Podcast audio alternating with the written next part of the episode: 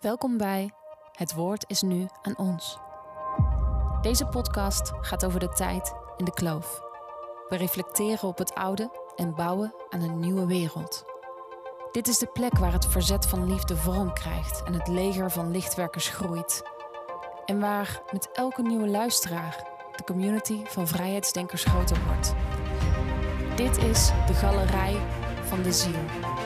Transformeer met me mee luister naar eigenwijze verhalen van wakkere harten. En word deel van de tribe van Rising People. Ik ben Stefanie Vatta en dit is Het Woord is nu aan ons.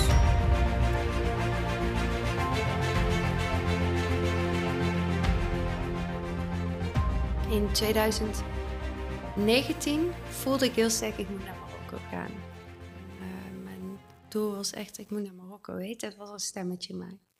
Ik was in Marokko met uh, mijn kindje, die toen half jaar was, en mijn vriend. En toen ik daar was, voelde ik in één keer dat ik een diep geheim, een oneerlijk iets richting mijn vriend, dat ik dat moest gaan delen. En de hele tijd keek ik hem aan, dacht ik, ik moet het nu zeggen, ik moet het nu zeggen. Maar ik wilde die vakantie niet verpesten, want het was een supermooie vakantie. Toen kwamen we thuis en uh, we hebben daar oud en nieuw gevierd. En toen ging ik meedoen aan een uh, lichtchallenge van Commit Happiness. En uh, daarin gingen we de intentie zetten voor het nieuwe jaar, voor 2020. En uh, ik voelde daar heel sterk dat het een heel bewogen jaar ging worden. En dat het enige wat we toen nodig zouden hebben, of wat de toekomst nodig had, eerlijkheid was. En toen voelde ik in één keer, oké, maar als ik dit verlang van de wereld, ja, de verandering begint bij jezelf. Dus moet ik nu ook eerlijk zijn. En kon het gewoon niet laten om toen niet eerlijk te zijn. Dus ik heb een brief aan mijn vriend geschreven. En uh, die dag nog aan hem gegeven. Ik heb hem gebeld.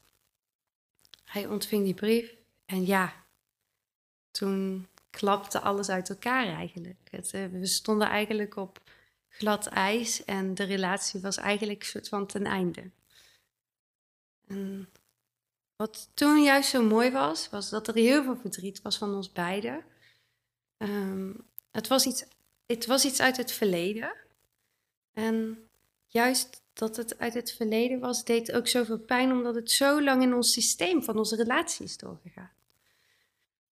En toen voelden we op een gegeven moment toch wel, we waren een tijdje even uit elkaar, het gaat over een week of zo, maar twee weken, maar het, was, het voelde echt als echt uit elkaar en het voelde niet goed van wat een babytje, het was echt een liefdesbaby, is een liefdesbaby, liefdeskindje.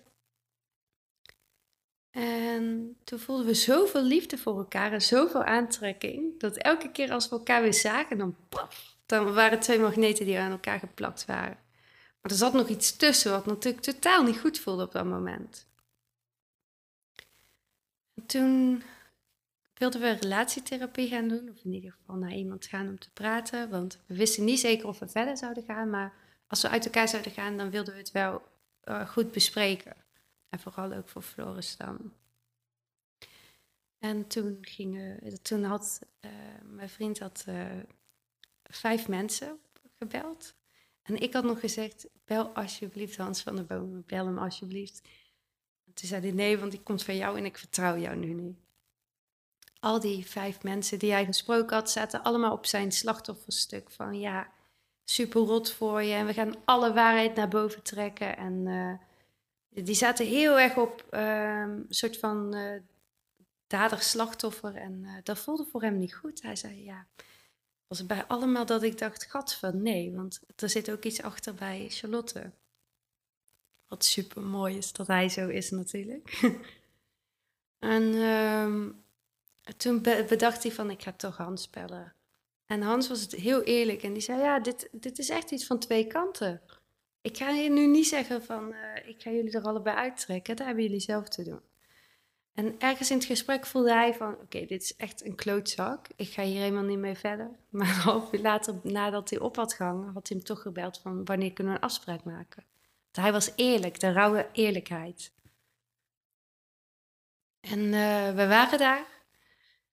En onderweg daar naartoe, dus heel even gewoon iets wat ik moet vertellen.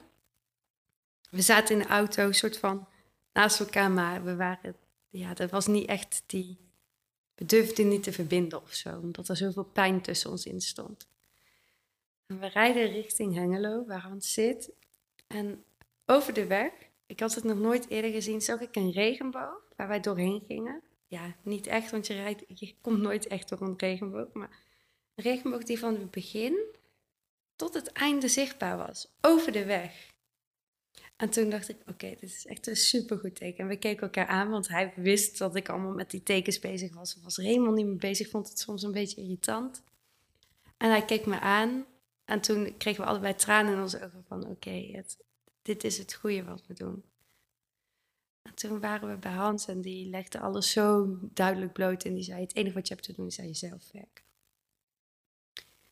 Dat was een heel duidelijk inzicht voor mij. Je bent um, hier heel vaak geneigd om te werken aan de ander. Om de ander te overtuigen, om de ander maar te vertellen van ja, dit is, dit is mijn mening en jij moet ook zo leven. En dat zie ik nu ook heel erg gebeuren. Ik heb er zelf ook wel een beetje last van gehad aan het begin van de coronasituatie. Maar als ik terugga naar de kern, wat mij echt heeft geholpen en onze relatie ook, was dat we aan onszelf aan het werken waren. En juist omdat we zo anders in deze situatie stonden en zo eigenlijk uh, in een soort, uh, allebei een soort slachtoffer- en uh, daderrol. Mm. Um, en we zagen het van elkaar, maar we deden niks met elkaar. We mochten geen contact hebben tijdens die dagen. Het was een half jaar opleiding en het waren weekenden dan. Juist doordat je elkaars pijn zag vanuit die andere kant, kon je heel goed elkaar begrijpen. En dan hoeft je niet per se eens te zijn of oké te vinden wat die ander voor keuze heeft gemaakt. Maar uh, door te zien wat erachter zit, kom je veel dichter bij elkaar. En uiteindelijk was dat iets wat uh, voor mij heel duidelijk is geweest. Van als, je, als je iets wil veranderen, begin dan zelf. Na die tijd, ja, dan weet jij ook iets. Daarna hebben wij elkaar leren kennen. Um, ja, is er zoveel veranderd voor mij. Mensen om me heen vinden het soms ook wel een beetje snel. Snap ik ook wel. Mm, maar er is zoveel transitie gegaan. En het is zo in een versnelling gegaan omdat ik toen heb gekozen voor de waarheid. Dat wat ik wil zien in de wereld, dat heb ik toen aan mezelf opgelegd van oké, dan heb jij het nu te doen. En dat is voor mij een soort van vleugel, uh, vliegen, start geweest om te komen waar ik nu ben. En ik voel nu dat ik zoveel zuiverder of zo naar, naar de wereld kijk. Of naar, niet per se naar de wereld, heb ik altijd wel zuiver gezien, maar meer naar, de, naar het leven. Dat het gaat over dat de spullen er eigenlijk niet toe doen. Dat, dat het eigenlijk alleen maar gaat over die, wat wij als mensen hier zijn en wat we hier te doen hebben. Het enige wat wij nodig hebben is eigenlijk de natuur, is eigenlijk elkaar. Contact, verbinding. Um, dat brengt me dan op het punt gelijk waar we het ook net over hadden. Ik, um, afgelopen week, nee, ik moet eerder beginnen dit jaar, begin van het jaar, heb ik ook een intentie gezet dat ik weer met een open hart naar mensen om me heen wil kijken, maar ook naar gewoon de wereld. En toen kreeg ik corona. En toen was ik echt best wel ziek van. En toen dacht ik, ik was heel fel op corona de hele tijd. Op de hele corona-situatie. Ik was echt een strijdertje aan worden. En toen ehm, kreeg ik corona en toen hoorde ik steeds, je bent te streng, je bent te streng, je bent te streng. En toen dacht ik, hoezo ben ik te streng dan? Ik merkte wel dat ik er echt ziek van was, maar het voelde wel als een hele heftige griep. Wel eentje die ik nooit eerder zo had gehad, maar het was nog steeds een griep. En ergens kwam de spanning naar boven, dat ik in één keer ging denken, oh, ik zou toch niet nu op de IC komen? Als ik op de IC kom, dan sta ik echt voor schut. Want dan, dan heb ik zo, zo iets verkondigd en dan kom ik dadelijk op de IC met mijn hele verhaal. En ja, dat klopt gewoon niet. toen dacht ik, oké, wat moet ik veranderen aan mijn leven om deze corona door te komen? En ik, ik hoorde de het van, oké, je moet gewoon gezond gaan eten. Ga bananenbrood bakken, ga uh, dadels eten in plaats van uh, chips. ga alleen nog maar eten wat van het land komt. Wat, wat onbewerkt is eigenlijk. Dus waar, waar niks aan verbouwd is. En als je het dan uh, verbouwd verandert, als het dan gaat veranderen, maak het dan zelf. Maak dan zelf de sausen, maak dan... Nooit heb ik daar zin in gehad. Nooit. Nooit aandacht voor gehad. En in één keer kon ik niet anders. Ik kon echt letterlijk niet anders, Steve. Ik was gewoon alleen maar bezig met alles zelf maken. Dingen die ik belangrijk vond, dat ik in één keer dacht... ja, maar dat wil ik biologisch. Uh, die eieren wil ik goed. Ik wil, als ik vlees eet, alleen goed vlees. En dat was voor Wes een hele rare transitie. In keer van, wat gebeurt hier nou? Hoezo? Waar komt het vandaan? Maar oké, ik ga wel mee.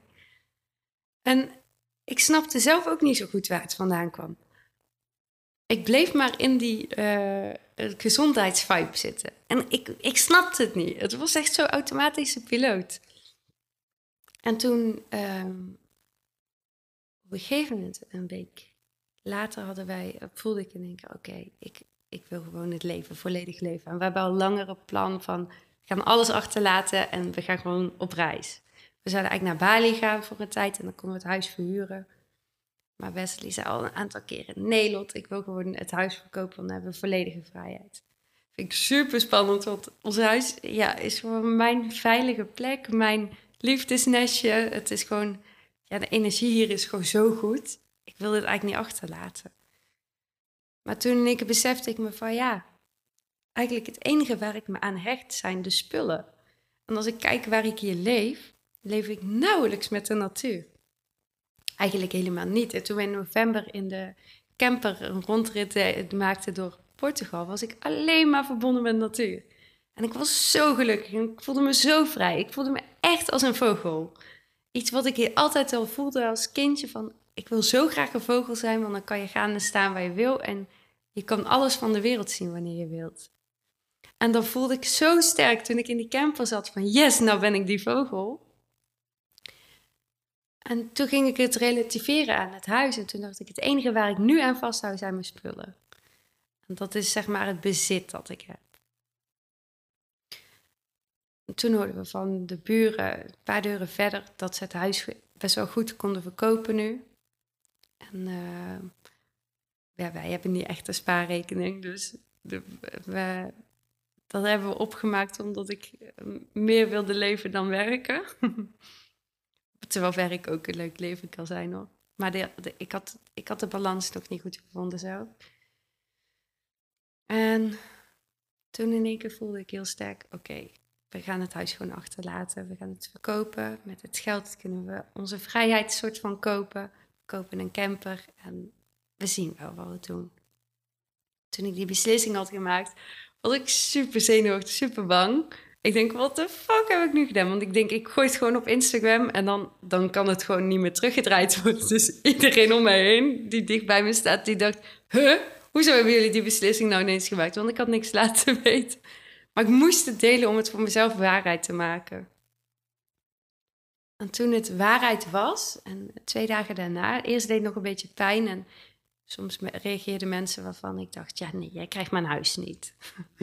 Het is nog heel erg verbonden aan, de, aan dat het mijn huis was en mijn materiaal. En toen dacht ik in één keer: nee, nee, dit gaan we zo niet doen. En toen liet ik het los. En in één keer zat ik zo in mijn geluk. En alles stroomde. Ja, jij was erbij. Ik was super geïnspireerd. Alle ideeën kwamen op me af en het bleef maar binnenkomen. Toen dacht ik, wow, ja, nu zit ik op mijn juiste pad. En ik, ja, alles was extase. Ik was gewoon super gelukkig. En een week daarna ging ik naar de huisarts. En toen dacht ik, ja, ik, ga maar, ik wilde eigenlijk de afspraak afzeggen. Ik dacht, hmm, kom nu niet zo goed uit. Gijs is een beetje huilerig. Die moet ook nog dadelijk eten. Dus ik, ja, laat het maar gewoon eventjes afzeggen. Toen zei Wes, nee, ga dan maar gewoon. Dus ik ging naar de huisarts. Want ik voelde een bult in mijn buik. Eh, alleen s ochtends, dus dat vond ik een beetje raar. Dus ik dacht, dat zou wel zo horen. En ehm, toen gingen ze onderzoek doen. En ze had gelijk daarna afspraak geregeld voor de dag daarna voor de echoscopiste voor van de gynaecoloog. Want ze wilde even naar mijn baarmoeder kijken. En toen, ja, dat is een inwendige echo. Dat is een soort dildo erin doen. En dat is dan de, de, het echoapparatuur. En ze, ze deed hem erin en ze ging zo zoeken. En toen zag ik het al. Oh nee, fuck, dit klopt niet. En ehm, op het laatste moment appte mijn moeder toevallig nog, nou ja, toevallig, die appte nog, zal ik met je meegaan? En toen zei ik, ja, ga. Dus mijn moeder was er gelukkig bij en zat mijn hand vast. En we keken elkaar aan en de tranen rolden over onze wangen. Maar we zagen allebei, dit is niet goed. Dus ik zeg tegen die echoscopiste, dit is niet goed hè? En toen zei ze, nee, dit is niet helemaal goed. Dit hoort niet zo.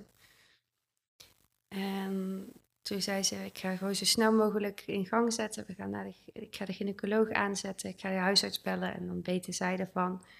En uh, ja, waarschijnlijk moet dit gewoon helemaal weg.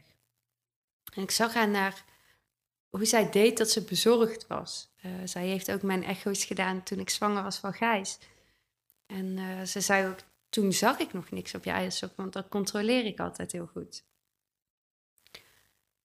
Um, dus er was iets gegroeid in, nou, ik denk zelf vanaf Portugal. In die tijd is er iets gegroeid um, in zo'n snel tempo uh, dat ik uiteindelijk een gezwel op mijn eierstok had van 10 centimeter diameter.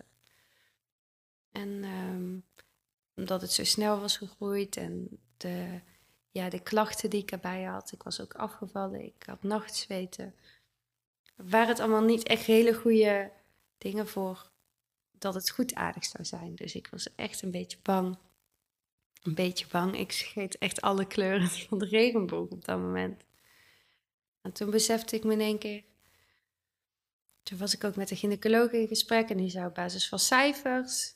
Er zal er niks aan de hand zijn. Is het gewoon een kiste? En, uh, is het zo verholpen? Gaan we het opereren en dan hebben we het daar later over.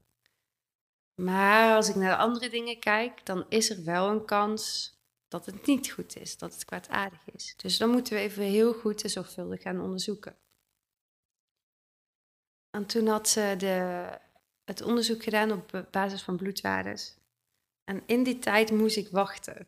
En dat wachten is echt.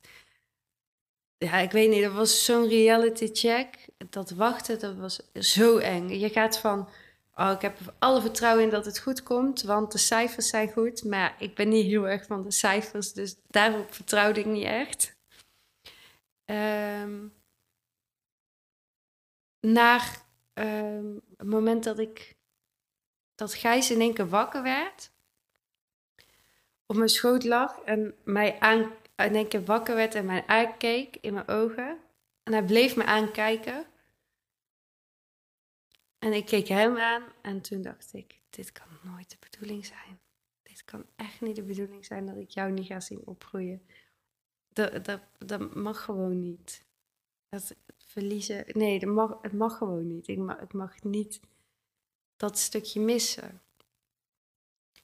Vanaf toen besefte ik me dat ik niet per se bang was om dood te gaan, want ik geloof heel erg in energieën en zielen en dat ze altijd wel bij je zijn en om je heen zijn.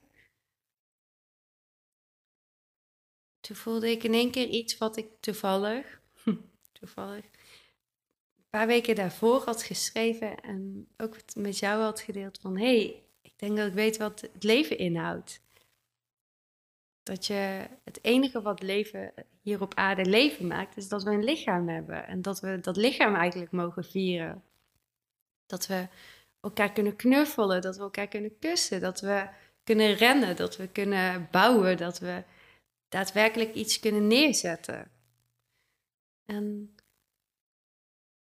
ik schreef toen ook van, maar dat betekent dat als we dood zijn, dan kunnen we nog steeds communiceren. En dan is er nog steeds al die energie. Dus dat is niet, dat vind ik niet eng. Dus ik dacht, ik vind het doodgaan niet eng, maar ik vind het vooral heel eng dat ik nooit meer dat contact ga krijgen, dat lichamelijke contact. Misschien duurt het wel weer 500 jaar voordat ik dat weer heb. En op basis daarvan vertrouwde ik er in één keer op. Van oké, als het slecht afloopt, dan loopt het slecht af. Dan is het zo. En dan loopt het nog niet slecht af, want dan zou het zo moeten zijn. En natuurlijk bleef ik angst houden. Het is raar om, nou niet per se raar, maar het is, het is onmogelijk om niet verdriet of bang te zijn op zo'n moment. Tuurlijk is dat er nog steeds. En je zag het aan mijn hele houding en aan mijn, aan mijn ogen volgens mij ook. Van ik, ik zat echt wel in een angst. Um, vooral om te verliezen. En toen kreeg ik de uitslag. Oh nee, ja, jawel, ik ga daar gewoon over verder. Toen kreeg ik de uitslag en uh, die was goed. En toen viel zoveel van me af. Zoveel. Ik was, in één keer dacht ik van, ja, zie je wel, je moet echt nu leven. De intentie die ik begin dit jaar ook had gezet was, 2022 wordt het jaar dat ik ga kiezen voor plezier. Al de shit komt toch wel op je pad. En als ik nu gewoon alle keuzes die ik kan maken, gewoon kies vanuit wat ik, waar ik zin in heb, waar ik energie van krijg en wat mij flow geeft, dan, dan, dan leef ik tenminste in ieder geval mijn leven. Want die shit komt. En ja, die shit komt. Dat heb ik heel duidelijk gemerkt. Want in één keer staat alles stil. Echt alles. En mijn droom van die reis, die stond ook even stil. Maar tijdens die tijd van wachten, het was een week, maar het voelde als een jaar. In die tijd ertussen was ik aan het praten met Wes en toen zei ik ook tegen hem van... Oké, ik voel dat als dit fout is, dat ik niet aan de chemokuur wil. Dat ik niet zo'n behandeling wil. Als we het kunnen opereren en weghalen, dan laat ik dat doen. Maar als het echt van zulke behandelingen worden, dan wil ik het niet. Wat voor hem heel lastig was. Ik zag dat hij daardoor geraakt was, want we waren toen nog in die onzekere fase. En toen gaf hij mij het mooiste antwoord dat je kan geven. Hij zei: Oké, als dat dan zo is, um, dan sta ik daarachter, want ik vertrouw op jouw gevoel. Ik vertrouw op je, wat jij voelt nu. En dat gaf zoveel rust. En die avond kregen we de uitslag. Net daarna. Ja. Misschien hadden we dat wel even nodig, want het was precies op hetzelfde moment. Precies dezelfde week. Maar dan twee jaar later, was toen ik voelde van... hé, hey, ik moet iets tegen Wes opbiechten. Ik moet iets tegen hem vertellen. Precies dezelfde week ja, voor mijn gevoel is het een soort van reality check van oké, wat is liefde dan? Mm, waarvoor zijn we hier? Waarvoor ben ik hier? Ik denk dat het veel meer op mezelf mag betrekken. Waarvoor, waarvoor krijg ik dit dan? En de heftigste periodes brengen je toch dan wel dicht bij elkaar. Of in ieder geval in ons geval is dat zo. Soms zie je ook van niet, maar ja. Ik vind het ook wel heel bijzonder dat um, een aantal weken geleden zaten we hier met twee vriendinnen. En uh, hadden we een heerlijk avondje. En we deelden. Het is echt gewoon, ja, automatisch ook een sharing cirkel. En, uh, kaartjes kwamen ook op tafel. En toen deelde jij een hele diepe angst. Dat jij eigenlijk ook in jouw uh, familie zijn er meerdere sterfgevallen geweest. Dus ja, jij kan beter vertellen als ik natuurlijk. Maar ja, ja wat, was jouw, wat was die angst? Ja, um, in mijn familie zijn door ongelukken, dus dingen waar totaal geen grip op was. Ja, dat weet je nooit, maar uh, zijn mensen jong overleden. Dus mijn uh, overgrote oma die verloor haar dochter op de, toen ze dochter 18 was aan een auto-ongeluk. Um, dus mijn oma verloor haar zus op jonge leeftijd. toen verloor mijn oma haar zoontje toen die drie was. Het broertje van mijn moeder. Um, hij was verdronken en mijn moeder was daarbij. Dus dat is iets wat allemaal hele diepe groeven zijn in de angsten.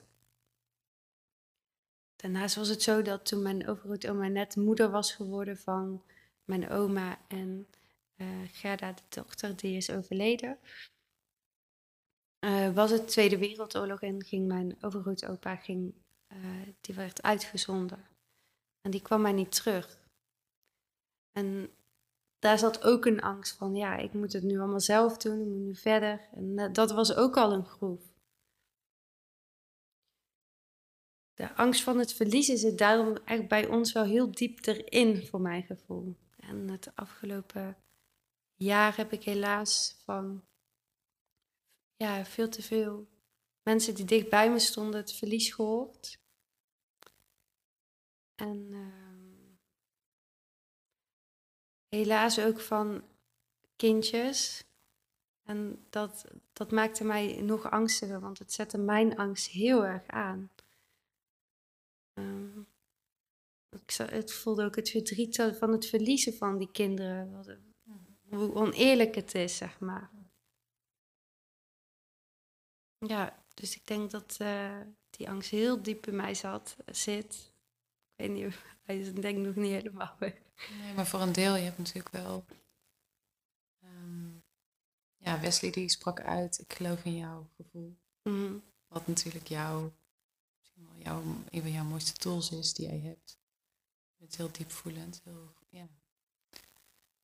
Je ook wel als medium, dus je, je bent echt heel voelend. En um, dus dat is een heel groot goed, denk ik, dat hij daarin vertrouwt.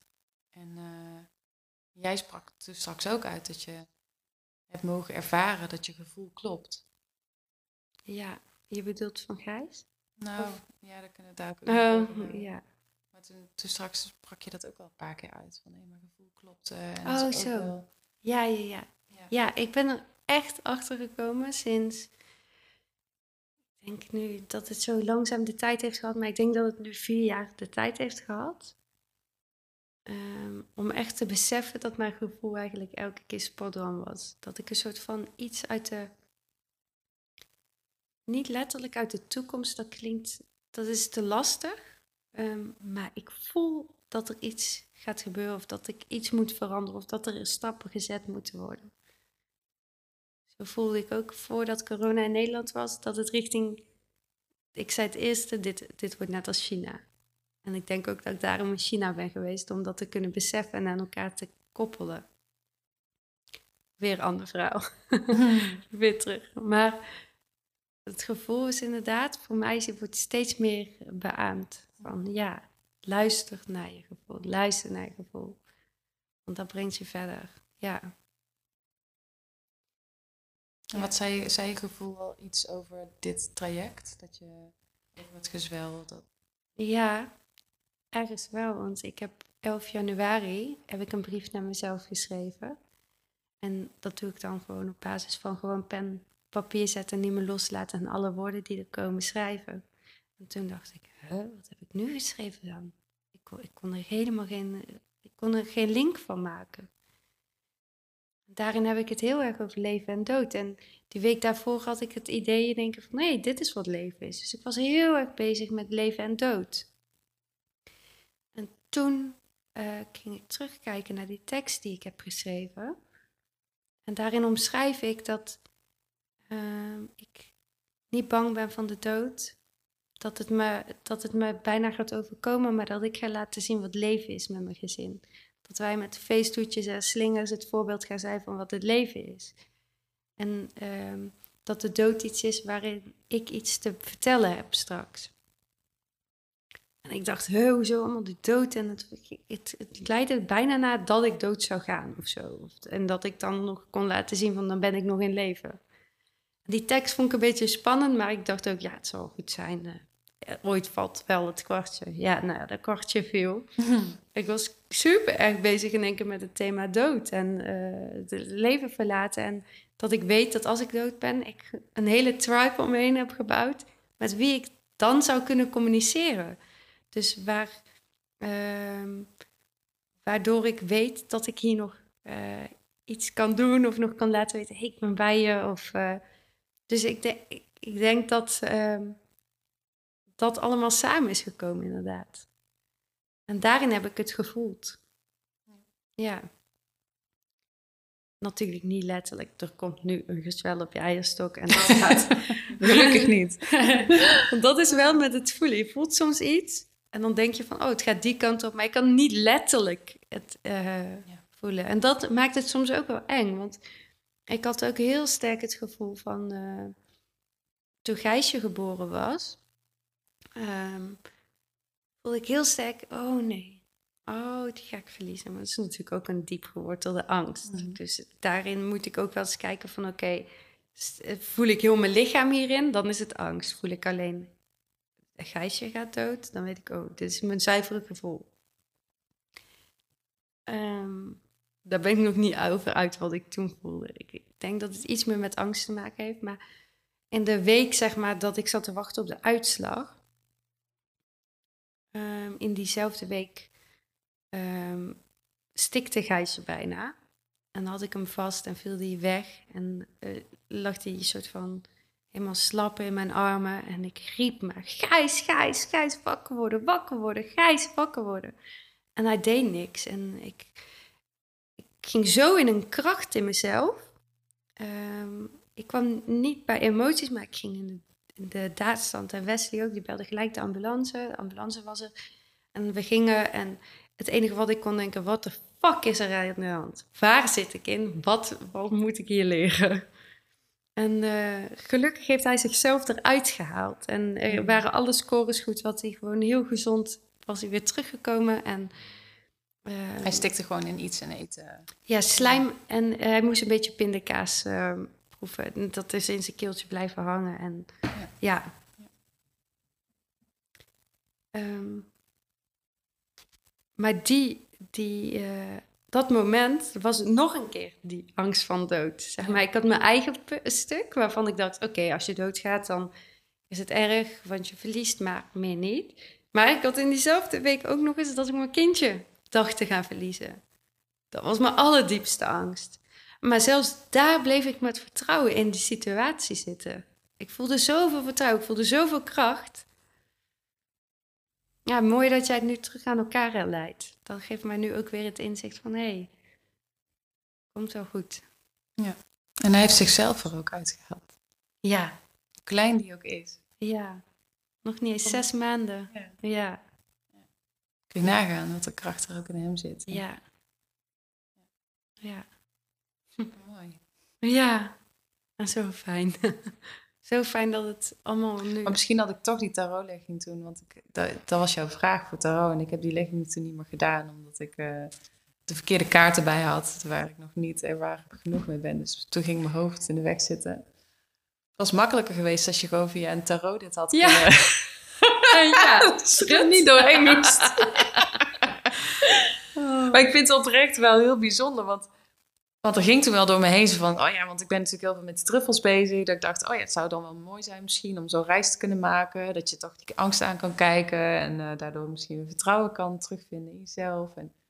Maar het universum doet dat gewoon voor jou. Ja, die En het is niet leuk. Ik nee, bedoel, ik gun het je echt niet.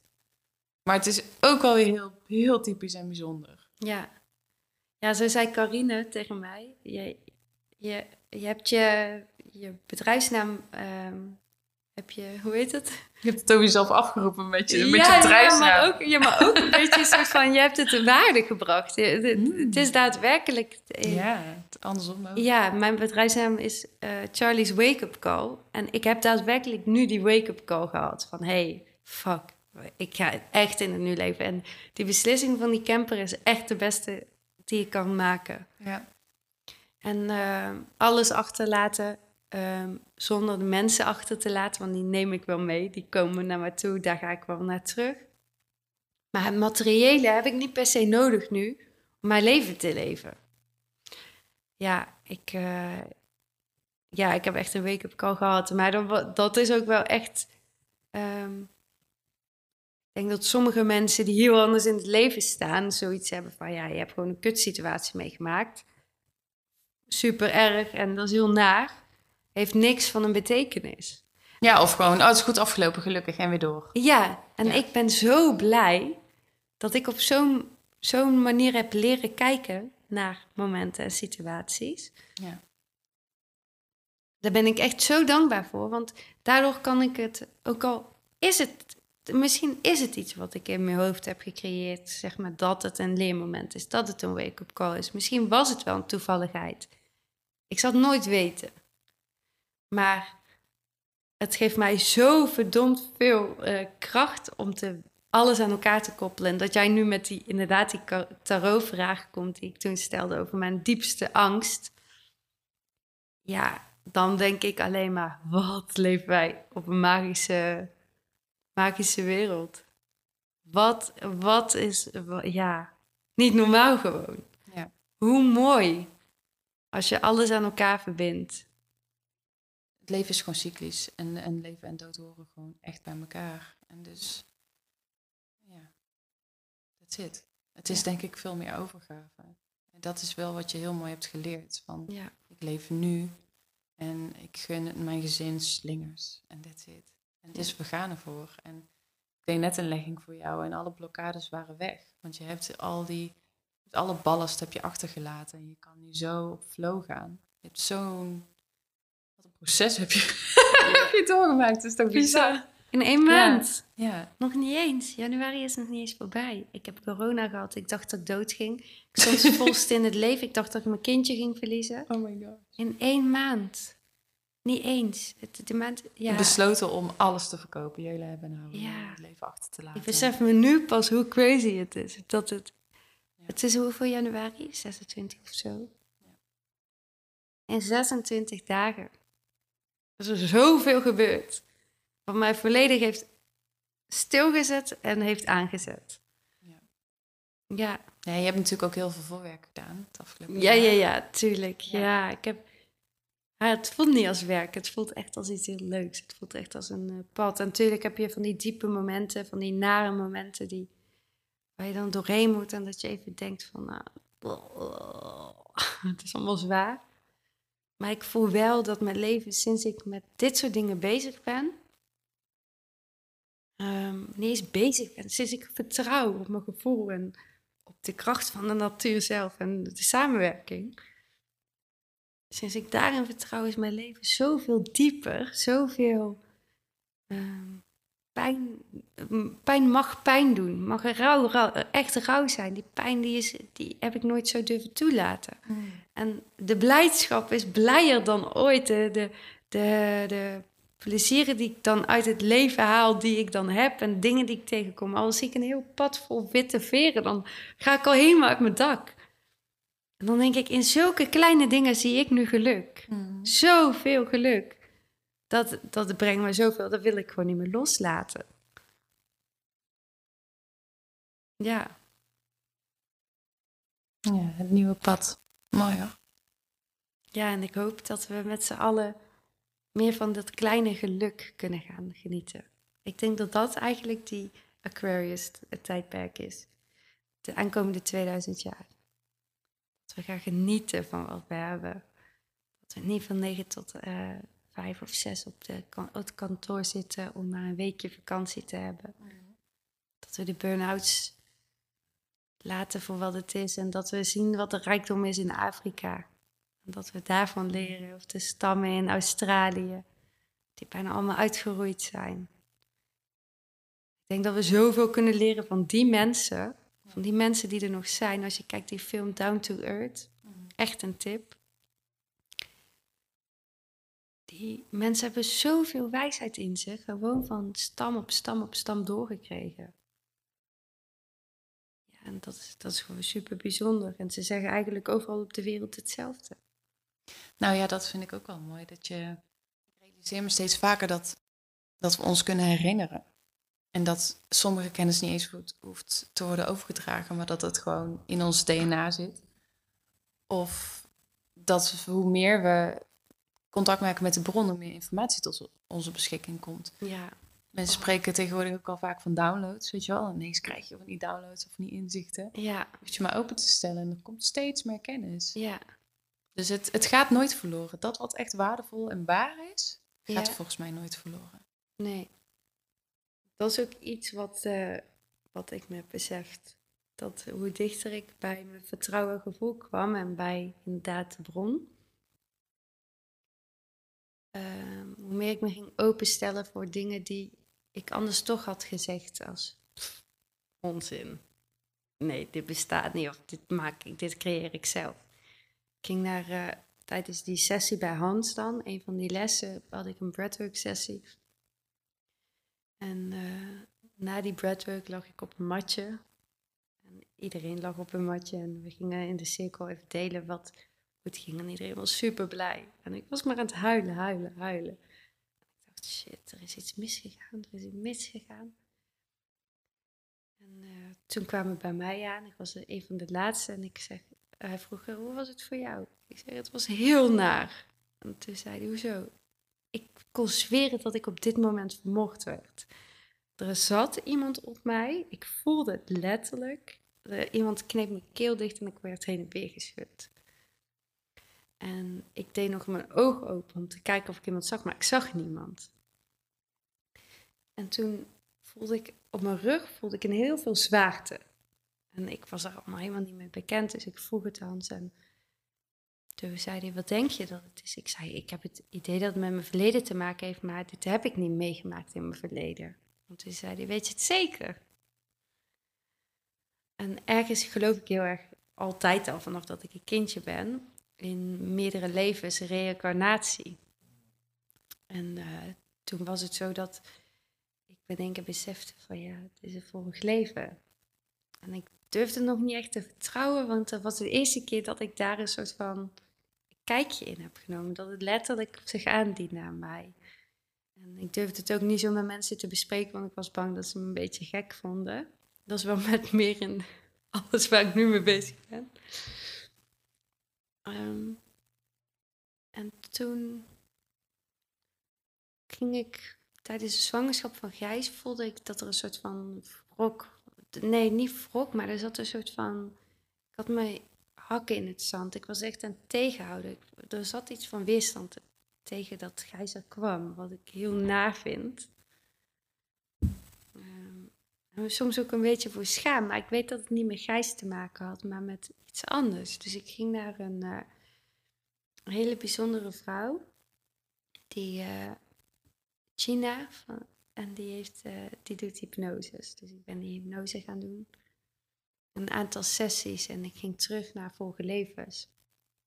En elke keer, ik heb een paar vorige levens gehad, maar de meeste vorige levens die ik terugzag en, en waar ik dit leven iets mee moet doen, dat zijn de. Kwam steeds terug dat ik een slavin was. Dus ik uh, voelde op een gegeven moment. Uh, ik ging terug en ik voelde een ring door mijn wang. En ik, er lagen allemaal vrouwen om mij heen en ik kon er geen contact mee krijgen. Ik kon er niet meer praten, ik kon niks. Ik was heel bang en het was ergens heel donker. En ik voelde een soort van zo'n zo golfbeweging. En ik, ik, had zelf die link nog helemaal niet gelegd. En dat was bij dat vorige ding, bij Hans, had ik dat ook nog helemaal niet. En uh, het was niet voor niks dat ik bij Gina terecht kwam. Want Gina is helemaal gespecialiseerd en die doet even onderzoeken in uh, slavernijverleden. En toen uh, zei ze, maar Charlotte, wat denk je? Wat denk je dat het is? En toen zei ik, ja, ik weet het niet, maar die ring doet zoveel pijn in mijn wang. En ik wist ook niet dat ze dat deden bij slaven. Ik zei, maar ik heb het idee dat ik slaaf ben of zo, die wordt verscheept. En ze moest huilen. Toen zei ze, ja, er zijn niet veel gedocumenteerde dingen van, maar dat jij dit nu zo voelt, er is niet veel bekend, maar er zijn inderdaad, er is een tijd geweest dat slaven een ring door hun wang hadden. Dat was voor mij het teken van, ja, ik kon dit niet weten. Um, ik heb dit heel zuiver gevoeld. Toen kreeg ik nog een leven en toen zag ik mezelf liggen. Um, helemaal afgetuigd, vermoord, lag ik daar dood in een soort hok. Dat was net na dat moment dat ik toen uh, een jaar daarvoor of anderhalf jaar daarvoor bij Hans had gezien. Tijdens die breathwork sessie. Ik voelde gelijk dat dat die link was. Toen had ik, nou ja, ik liet het voor wat het was. Ik sprak er nog steeds niet zoveel over. Want het is, ja, het is nooit te bewijzen natuurlijk. En dat is in onze maatschappij heel moeilijk. Alles is gebaseerd op wetenschap en op uh, nou ja, dat wat je kan verklaren. Als je iets hoort knorren, dat is kato. Mm. je kunt even op zitten. Ja. Um, toen werd het in één keer voor me duidelijk. Ik was in Portugal aan het reizen afgelopen november. En uh, toen vielen zoveel puzzelstukken samen. Toen was ik. Uh, mijn ouders vertellen altijd heel trots dat ik uit Portugal kom, want daar, daar hebben ze mij verwekt, zeg maar. Dus ik vroeg gewoon uit nieuwsgierigheid, want ik wilde gewoon die plek weten. Ik wilde weten waar dat is geweest. vroeg ik voor welke plek is het? En wij waren daar in de buurt, dus ik ging daarheen. Toen liep ik daar op het strand op een bijtje wat bij dat hotel hoorde. En toen vroeg ik universum, waarom, waarom ben ik hier opgepikt op dat moment? Waarom? En uh, ik wil altijd gelijk het antwoord. Op dat moment wil ik het antwoord. Dus ik zat allemaal te zoeken. Natuurlijk vond ik niks. En als je te veel gaat zoeken, komt het ook niet. Dus ik had het losgelaten. En uh, ik denk, ja, het komt wel of het komt niet. Misschien heeft het ook wel gewoon geen betekenis. En uh, twee dagen daarna gaan we naar Sagres. En dat is het dat noemen ze het einde van Portugal, het einde van Europa. Dat is zo'n punt. En daarop stond een gebouw. En wij wilden daar naartoe gaan, maar we, waren, we hadden geen mondkapjes bij, dus we mochten niet naar binnen. En uh, best was daar wel een beetje door geïrriteerd, want het was gewoon niet buiten. um, dus toen zei ik, nee, maar we moeten hier naar binnen. En ik voelde die vlam in mij, van dat het echt moest. Ik helemaal geen idee had wat het was, maar ik voelde ik moet naar binnen. En toen dacht ik, oh, wacht dit is een signaal voor, voor iets voor mij. En ik open mijn telefoon op 1111 om te zoeken wat de geschiedenis is of wat die plek is, om te kijken of ik echt iets mis. En toen zag ik die 1111, ja, voor iedereen die daar bekend mee is. Het is een soort engelen-teken.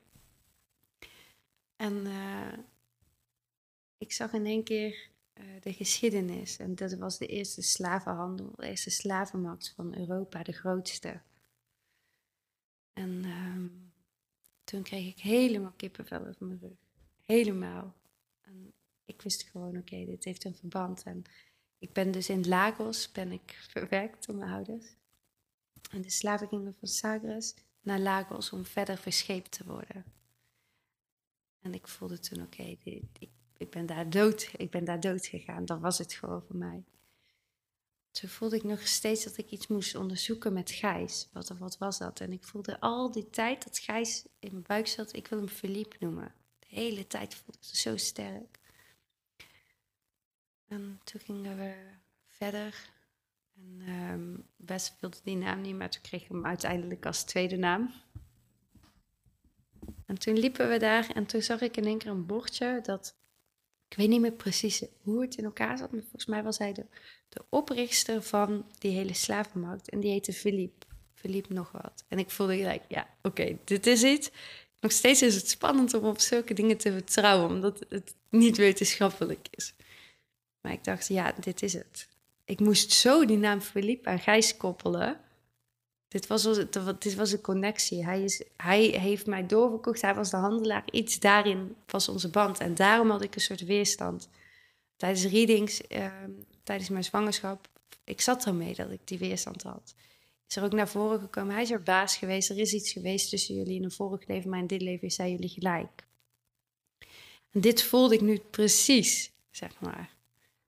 Um, ik merk dat ik het spannend vind om dit allemaal te vertellen, omdat ik weet dat hier heel veel oordeel op gaat zijn. Mm. Terwijl het dus ook heel mooi is als moeder om te weten, omdat je hem daar natuurlijk ook weer mee kan helpen. Als dit iets zou zijn wat helemaal altijd in de weg zou zitten.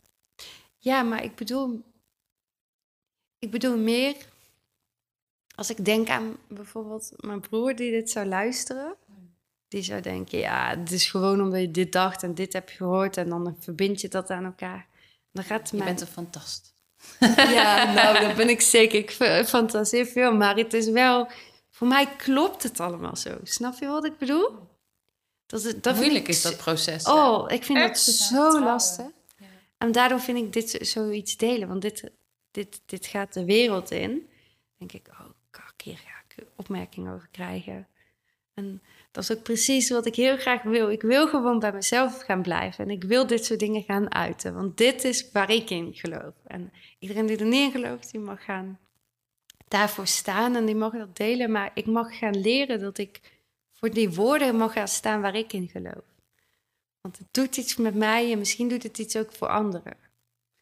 En misschien ook niet, maar dan doet het in ieder geval iets voor mij. Maar dat vind ik het lastig, maar dat tenzijde. Um, even kijken. Toen waren wij in Sagras dus. En ehm, ik had die link gelegd, eh, ook van uh, en Gijs. En we gingen doorrijden en uh, we waren op een van de laatste dagen van onze reis. En we stonden op een camping, een super fijne plek. En achter ons staan mensen, Nederlanders. En die kwamen de, de camper uit en we hadden gelijk een leuk gesprek. Gewoon een normaal gesprek zoals je met normale mensen hebt, zeg maar. Niet gelijk heel spiritueel. En uh, ja, ik weet niet of deze informatie belangrijk is, maar ik ga het toch maar delen. Um, een jaar of twee geleden stonden wij, uh, uh, liepen wij door Tilburg, door de stad. En er was een muzikant op de hoek van de straat en die was muziek aan het maken. En Floris en ik waren niet weg te krijgen. En eigenlijk West, die was ook zo de hele tijd van... Hey, dit is fijn, dit is fijn. En de, toen zijn we uh, bij een winkel gaan pinnen, want we hebben nooit meer contant geld, om hem geld te geven. Um, we wilden echt die moeite ervoor doen, zeg maar. Die muzikant is ons zo bijgebleven. En hij ik heb hem nooit meer in de stad gezien. Hij was daar eenmalig. En um, wij maken contact met die mensen. Die mensen kwamen uit de buurt van Nijmegen, volgens mij Nijmegen op Den Bosch, daar ergens. Ik weet niet meer precies. Ze vertelde, ik heb een zoon in Tilburg, hij is muzikant. En ik zei, dat is Harry, hè? En ik wist zijn naam gewoon nog van die ene keer, omdat dat op het bordje stond. En toen zei ze, huh, ja, dat is Harry. Ik zeg, ja, maar even voor de duidelijkheid. Eh, toen ging ik, uh, toen zei ik, heb je een foto van hem? Toen zei ze, nee, ik heb hier nu mijn telefoon. Ik zeg, wacht, ik zoek hem wel op. Ik ben hem toen gaan volgen op Instagram. En uh, ik ging kijken en ik liet hem zien. En zij zegt, ja, dat is mijn zoon. En ik dacht, wat? Dus wij met z'n allen van, wat is dit dan? Weet je wel, het was een heel raar moment. Maar ik voelde gelijk, hij is het. Um, nou ja, toen heb ik denk ik iets wakker gemaakt. Ik weet het niet zeker. En uh, de dag later liep ik over de camping met Floris. En die, die vrouw die komt naar me toe. En ze zegt in één keer uit het niks. We hebben nul spirituele gesprekken gehad. Nul. Echt niet. Ze begint in één keer tegen mij, zegt ze, mijn zoon was in mijn vorige leven mijn baas. En ik kijk er aan en ik kon gewoon niks zeggen. Ik draaide me om, een beetje onaardig achteraf. Ik draaide me om en ik liep naar Wesley toe. En ik begin te huilen en ik zeg, Wes, wat er nu is gebeurd, het verklaart echt alles. En toen zei ik tegen Wes, ik zei, wat ze net zei, ze vertelde dat haar zoon baas, haar, baas was. Dat was dus diezelfde vrouw, hè, met haar zoon Harry? Ja, ja. Dus ik liep... What the fuck? Ja, dus ik liep terug naar haar. En, want ik voelde een beetje van, oh, dit is heel onaardig wat ik nu heb gedaan. Ik liet Floris bij haar. En, maar ik was zo, zo mindfuck van, wow. Dat, was zo heftig. Ja, en dat kwam ook uit niets. Dus ik ging naar haar toe en ik zei, waar kwam dit vandaan? Waarom, waarom wilde je dit zeggen? Toen zei ze, ik heb geen idee. Ik moest het tegen je zeggen. Ze zei, maar ehm, waar, ik, waar ik je een tip over wil geven. Zij voelde al dat ik hetzelfde had. En waar ik je een tip over wil geven is.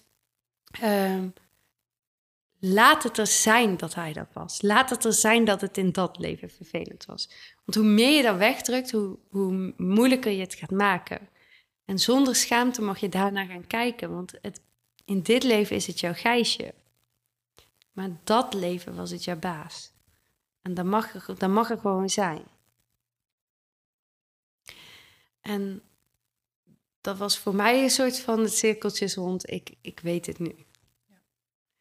Want toen vroeg ik nog aan het universum, dat voordat we Portugal verlieten, Portugal was trouwens net als Marokko zo'n plek waarvan ik voelde, je moet naar, je moet naar Portugal, je moet naar Portugal.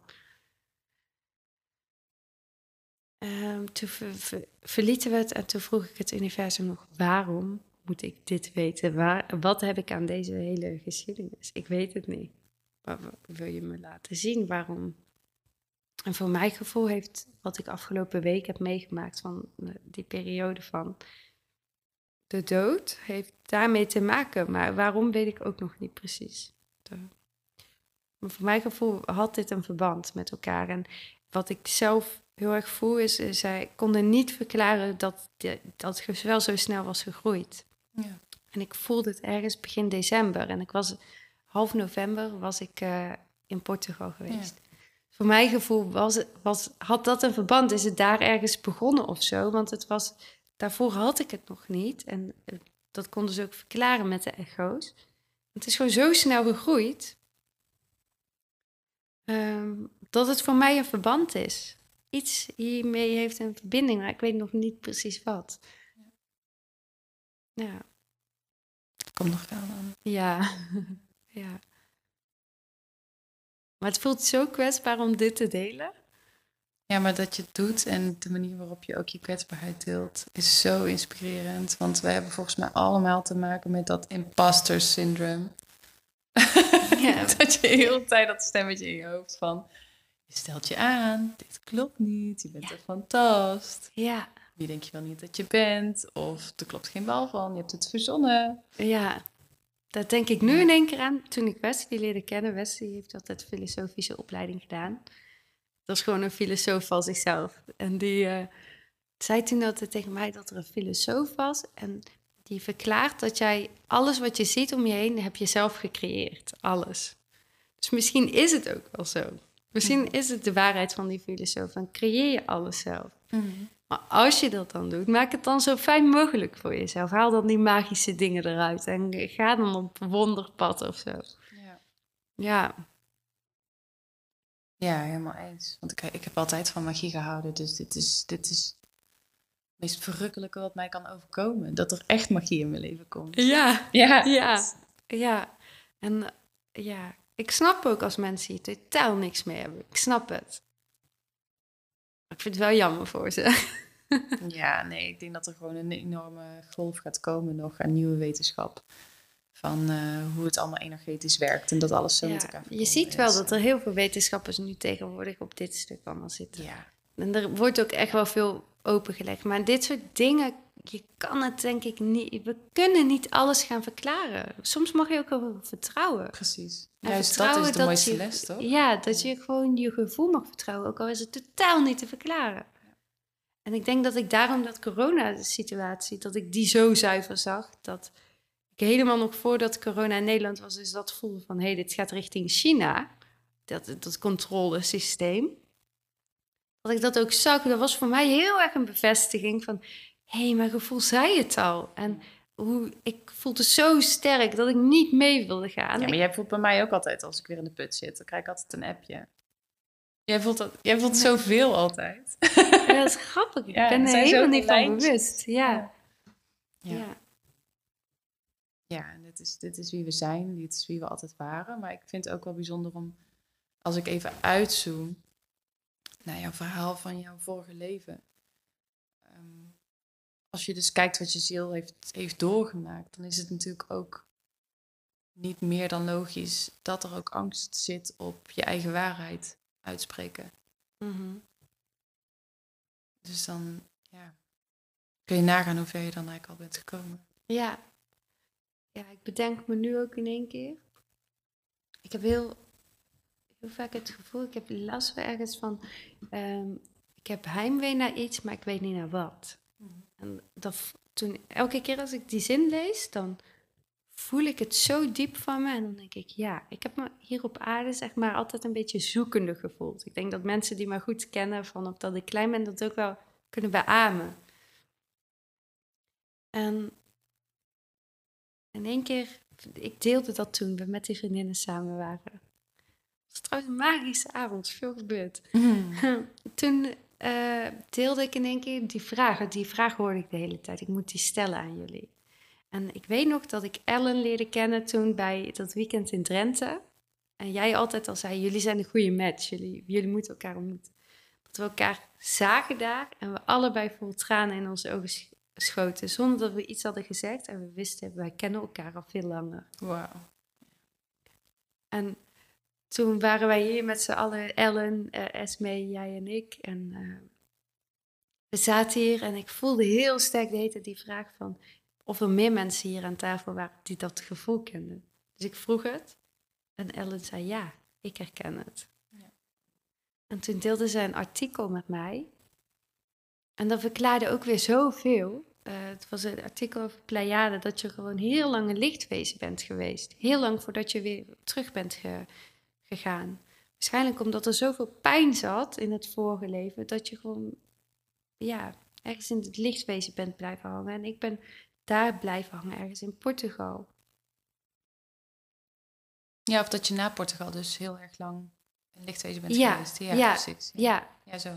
Maar omdat ik daar op Lagos waarschijnlijk ben overleden, aan het water daar, um, is daar mijn ziel ook nog een soort connectie blijven hangen, denk ik of zo. Um, dat heeft ongeveer 500 jaar geduurd. Dus ik ben heel lang licht, een lichtwezen alleen geweest, dus een ziel. Ja.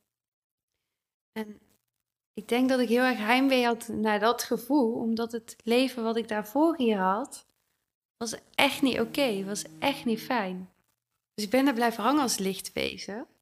En ik ben daar weer opgepakt. En in één keer, ik was de laatste de laatste jaren sinds ik wat bewuster was, een beetje streng voor mijn ouders. Ik kon niet, ik kon niet heel veel. Ik weet niet, ik was, ik was gewoon echt streng en daar baalde ik van. Maar ik kon, kon gewoon niet anders. Ik, ik baalde van dingen die ze hadden gedaan, terwijl ze super goede jeugd voor me hebben gehad. En ze, zijn, ja, ze hebben mij echt geleerd wat liefde is. En toen ik me dat besefte van oké, het universum heeft dus mijn ouders gekozen die uit Nederland daar een weekje op vakantie kwamen, dat ik bij hun mocht komen. En ik snap het, ik snap het nu. Mijn ouders zijn vanaf dat ik klein ben al bezig met uh, vorige levens. Mijn moeder is er altijd al mee bezig geweest. Daardoor stond dat ding bij mij open dat het er een mogelijkheid is. Mijn uh, ouders zijn allebei zeg, eigenlijk best wel spiritueel voor hun generatie in wat ze allemaal deden en deelden. En uh, zij leerden mij eigenlijk zoveel. Maar het belangrijkste wat ze mij hebben geleerd is echt heel veel liefde krijgen en geven. Heel veel liefde. En dat heb ik toen waarschijnlijk heel erg gemist. En zij hebben mij dat, dat gegeven, waardoor ik nu zo, ja, eigenlijk best wel zelfverzekerd iemand ben geworden. Eén bonk liefde ben jij. oh. Ja. ja, en ik denk, ik, ja, ik snap gewoon dat, dat ik bij hun ben gekomen.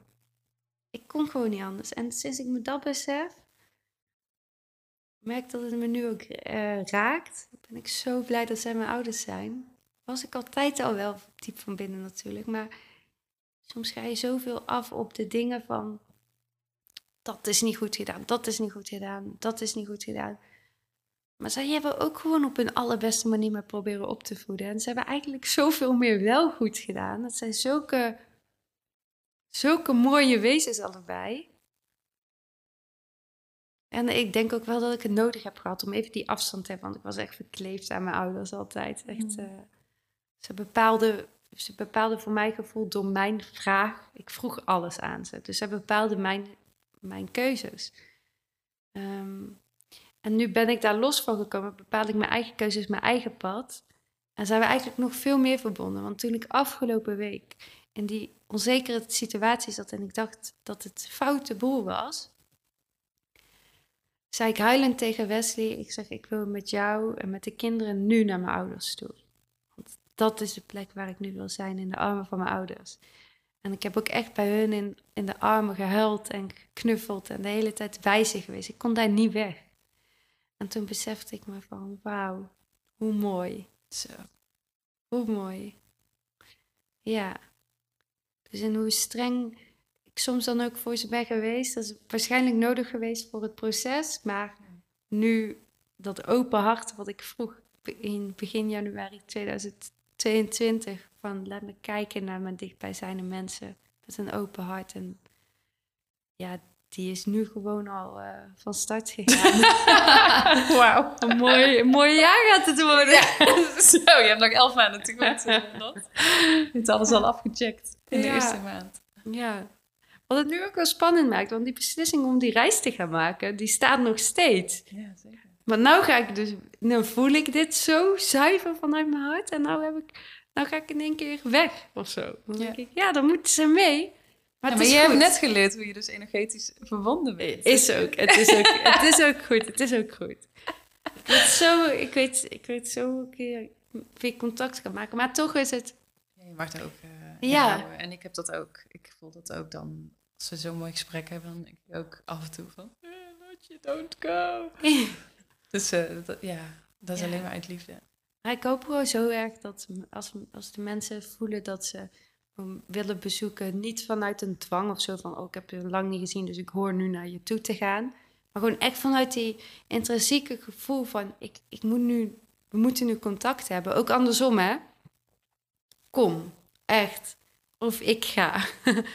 Want ik voel gewoon dat, het, dat, dat dan dat lichaamscontact nodig is. Weer voor iets nieuws op, op, beide, op ons beide pad. Mm. Dus uh, ja, ik denk ook niet dat ik constant weg kan blijven. Misschien ook wel, maar we moeten sowieso om de acht maanden terugkomen om Nederlands te blijven. Dus, uh... yes. Goeie regel van de staat. ja, wat een feestje wordt het dan ook weer. Kun je nagaan. En dan wordt dat ook weer zo'n mooie spiegel van, wat je, van hoe enorm je weer bent getransformeerd en gegroeid. Ja. Dat is dan ook wel heel gaaf. Ik zei al tegen Janneke, dat is mijn uh, ja, mijn beste vriendin is al sinds ik uh, eh, 14 ben of zo, 14, 15. Ik, ik zei tegen Janneke, zei ik, uh, ik kom terug als een uh, gekke shamaan, als zo'n zo'n shamaan met allemaal. En toen, ik zei het als grapje en toen later dacht ik, hé, hey, dat zou nog maar zo kunnen. dat is wel wat ik het liefste zou willen zijn. Ja. Of in ieder geval willen zijn. Dat past wel het beste bij alles wat ik voel en wat ik wil waar ik in geïnteresseerd ben. Toen dacht ik, oh, nou, best wel leuk. Ja. Alleen voor een, shaman, of voor een shaman moet je wel heel veel wijsheid hebben natuurlijk.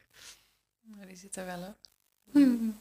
Eerst eventjes langs stammen gaan. ja. ja. Gaaf. Nou, wauw, dankjewel dat je dat je ons hebt meegenomen. Ik kon niet stoppen met praten. Prachtig, fantastisch. Oh ja, ik, ja. ja. Ja. Dankjewel, Lotje. Jij ook bedankt. Zo leuk. wij gaan nog even knuffelen. Bedankt voor het luisteren. doei. Doei doei.